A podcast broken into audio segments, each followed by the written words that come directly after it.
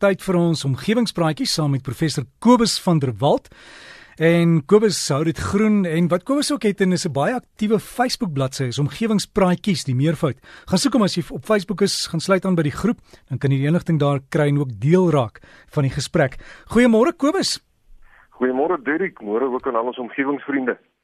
Ja, vanoggend Dirk wil ek weer 'n bietjie gesels oor Suid-Afrika se energietoekoms. Ons het nou redelik lanklaas beurtkrag gehad en so aan. Ehm um, en dit is 'n goeie situasie, maar dit is dis altydlik ons energiebehoeftes groei steeds want ons mense word al meer. En nou hoor mense bykans elke dag van nuwe windplase en sonplase wat gebou word en dit begin partykeer lyk of ons al ons energiebehoeftes sommer binne 'n paar jaar met hernubare bronne sal kan aanspreek. Nou in hierdie verband wil ek vanoggend graag weer twee standpunte bespreek. En die eerste standpunt is die een wat vir hernubare energie is. Ek het die afgelope ruk 'n hele klomp briewe ontvang van omgewingsvriende wat sê dat ons geheel en al moet wegdoen met steenkool of kernenergie en volledig moet konsentreer op hernubare energie om in Suid-Afrika se toekomstige energiebehoeftes te voorsien. Nou gewoonlik word hierdie oproep vergesel met die versoek dat ons in die eerste plek natuurlik energie moet bespaar sodat dit nou nie nodig sal wees om soveel meer nuwe kragstasies te bou nie. En daarmee stem ek heel hartig saam. Almal in Suid-Afrika moet regtig probeer om energie te spaar soveel as wat ons kan. En dit is nou nie slegs met goed soos energiebesparende gloeilampies en sonkiesers op ons dakke nie, maar ons moet ook dink aan watse produkte ons eet, watse klere ons dra, watse motors ons ry en hoe ons ons afval hanteer. Met ander woorde, elke mens behoort sy of haar totale lewenstyl te analiseer en dan te probeer om minder energie, energie te gebruik. Iets soos byvoorbeeld om vrugte te eet wat buite seisoen is, het 'n baie groot invloed op ons energieverbruik. Want die pakhuise en die koelkamers waar die vrugte nou lê en wag, verg baie energie om aan die gang te hou. So as mens slegs vrugte binne seisoen eet, dan spaar jy al op 'n indirekte wyse 'n hele klompie energie. Maar baie mense dink nou ongelukkig nie op hierdie wyse nie. Uh, hulle probeer eerder om meer geld te maak sodat hulle eenvoudig meer elektrisiteit kan aankoop om hulle lewenstyle te onderhou.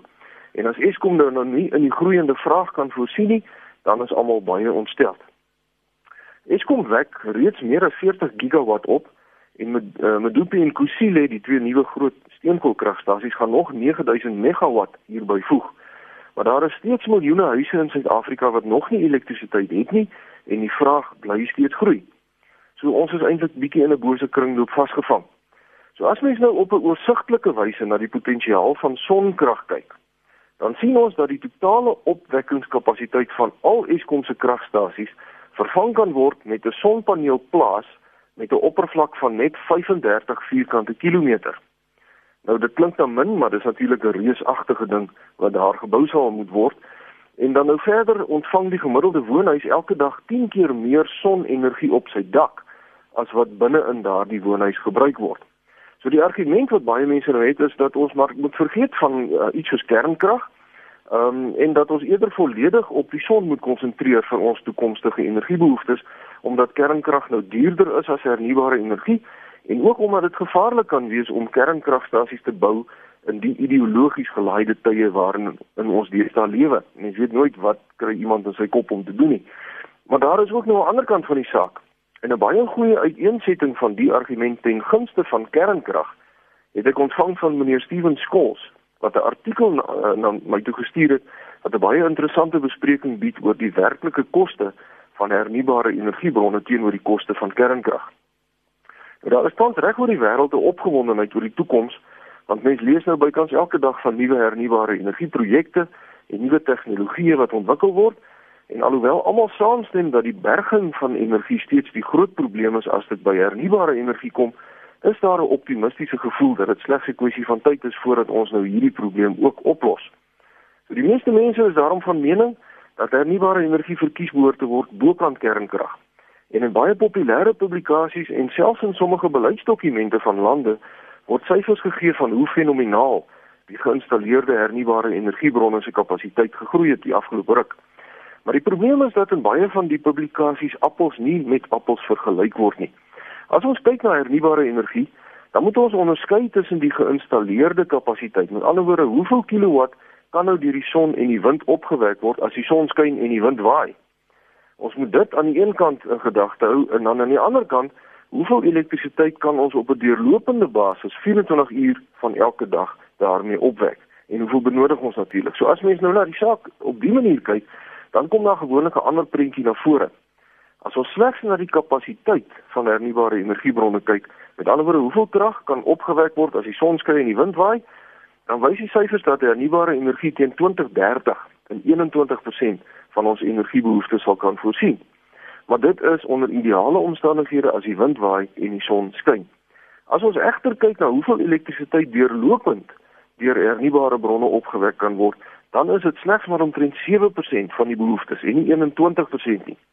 Wat beteken dat ons al as ons nou al die elektrisiteit vir ons land met hernubare bronne wil opwek, dit bykans 'n derde meer sal kos as wat kernkrag tans kos. En dan neem ons nog steeds nie die koste van 'n betroubare, effektiewe en goedkoop tegnologie om die energie mee te stoor in ag nie. So die feit bly staan dat selfs al kry ons 'n manier om energie te stoor, hernubare energiebronne nie 24 uur van elke dag elektrisiteit opwek nie. Wat beteken dat jy heelwat meer geïnstalleerde kapasiteit nodig het as wat die deurlopende behoefte is, want in die paar uur van elke dag wat hernubare energiebronne nou wel werk, moet jy genoeg elektrisiteit opwek vir die nag ook, wanneer die bronne nie meer vir jou energie lewer nie. So mense moet dus die sommetjie op die regte wyse maak as jy hernubare energiebronne met iets soos kernkrag wil vergelyk. En as ons dit doen, dan sien ons dat om al Suid-Afrika se krag met hernubare bronne op te wek teen die huidige pryse eintlik heelwat meer gaan kos as om kernreaktors te bou wat 24 uur van elke dag vir ons elektrisiteit kan opwek. So mense moet maar mooi dink oor die saak en ek is seker die argumente oor hierdie onderwerp gaan nog baie lank voortduur. Baie dankie aan meneer Steven Skols en ook al die ander omgewingsvriende vir u briewe oor hierdie onderwerp. En dan wil ek graag vir oggend se praatjie afsluit met iets heeltemal anders. En dit hou verband met rolprente en meer spesifiek animasie rolprente. En ek wil veraloggend spesifiek praat na die animasieprente Finding Nemo wat in 2003 vrygestel is en ook die een wat tans wys met die naam Finding Dory van die oulike blou visie. Nou Finding Nemo in 2003 se sentrale boodskap het juist ten doel gehad om te wys dat visse vry in die oseaan behoort te lewe en nie in klein glas akwariums in huise of in 'n tandarts se spreekkamer nie. Maar presies die teenoorgestelde het toe gebeur want al wat 'n kind was, veral in Amerika en in Europa, wou toe so 'n pragtige harlekynvisie in 'n akwarium in sy kamer hê en baie van die ouers het dit toe vir hulle kinders gekoop. Nou die probleem is dat 90% van die ongeveer 1 miljoen harlekynvisie, die Nemo tipe visie, wat elke jaar wêreldwyd in troeteldierwinkels verkoop word, nie in akwariums geteel word nie, maar in die see gevang word. En vanuit Australië het navorsers berig dat daar groot areas van die die Great Barrier Reef was waar daar basies kolle in die see ontwikkel het waar die harlekynvisie heeltemal uitgesterf het omdat daar soveel van hulle gevang is nadat Finding Nemo vrygestel is in 2003. En die vrees is nou dat dieselfde lot die blou visie sal sal tref. Ek weet nou nie wat sy naam is nie, maar die dory visspesies sal tref. En die probleem is nou waar die harlekyn Nemo visse wel in akwariums geteel kan word, kon niemand dit nog regkry om die blou dory visse in gevangenskap te laat aanteel nie. Die langste wat so 'n visie in 'n akwarium oorleef het was 22 dae lank. En ek wil nou vanoggend graag 'n beroep doen op alle ouers dat u asseblief hierdie tipe inligting aan u kinders sal deurgee. Baie van die visse wat in troeteldierwinkels verkoop word, word gevange geneem in die natuur en die visspesies sukkel juis reeds met al die negatiewe invloede van klimaatsverandering en omgewingsvernietiging in die plastiek in die see en so aan. So dink asseblief baie mooi voordat u 'n eksotiese visie vir u kind koop. En dit geld natuurlik vir enige voeltjie of reptiel of aapie of enige dier wat na regte vry in die natuur hoort. Hierdie ek hoor vroeër vanoggend jy vertel van die ryk mense, ek dink is in Thailand, uh, wat nou vir mekaar baba olifantjies as troeteldiere gee nou net om te wys hoe ryk hulle is. Dit is vir my verstommend hoe selfsugtig en onnadenkend of sommer net gewoon onnosel party mense kan wees. Dit gaan my verstand te bowe. Wilde diere hoort vry in die natuur te wees. En daarmee sluit ek my praatjie af vanoggend. Skryf gerus vir my by kobus.vanderwalt@nwu.ac.za of soek op Facebook na omgewingspraatjies se bladsy. Vriendelike groete tot 'n volgende keer. Kobus, alles van die beste en lekker naweek vir jou. Kobus van der Walt, professor by Noordwes Universiteit. As jy wil gaan inligting kry, geloer op Facebook, sluit aan by die groep Omgewingspraatjies meervoud. En jy kan ook vir Kobus e-pos as jy wil. En dis Kobus met 'n K, hè? Kobus.vanderwalt by nwu.ac.za.